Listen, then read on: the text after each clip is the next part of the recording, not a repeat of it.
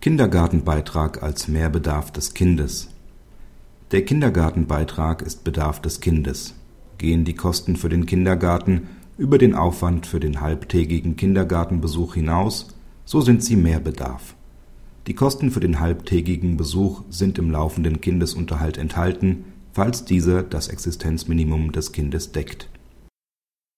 Die Kindergartenkosten sind dem Bedarf des Kindes zuzurechnen da die erzieherischen Aufgaben des Kindergartens im Vordergrund stehen.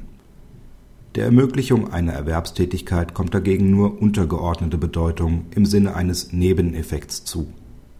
Dies gilt unabhängig davon, ob die Einrichtung halb oder ganztags besucht wird, da die erzieherische Bedeutung des Kindergartens für das Kind davon unabhängig ist. Die Kosten stellen somit grundsätzlich keine berufsbedingten Aufwendungen des betreuenden Elternteils dar Sie sind aber auch kein Sonderbedarf, da sie regelmäßig anfallen.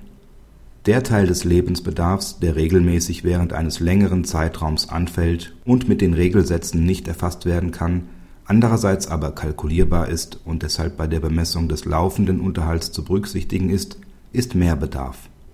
Dies gilt für die Kindergartenbeiträge jedoch nicht, soweit sie für den halbtägigen Kindergartenbesuch anfallen und rund 50 Euro monatlich nicht überschreiten da dies die Regel darstellt.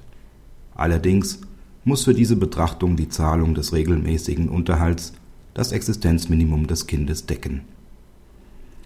Echten Mehrbedarf stellen demnach allein die Kosten dar, die den Aufwand für den halbtägigen Kindergartenbesuch oder einen Betrag von rund 50 Euro monatlich übersteigen.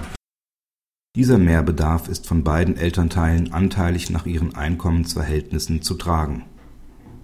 Praxishinweis der BGH weist in dieser Entscheidung ausdrücklich darauf hin, dass Mehrbedarf nicht generell von jedem Elternteil zu 50 Prozent zu tragen ist, sondern dass die Aufteilung, ähnlich wie beim volljährigen Unterhalt, quotal anhand der Einkünfte zu bemessen ist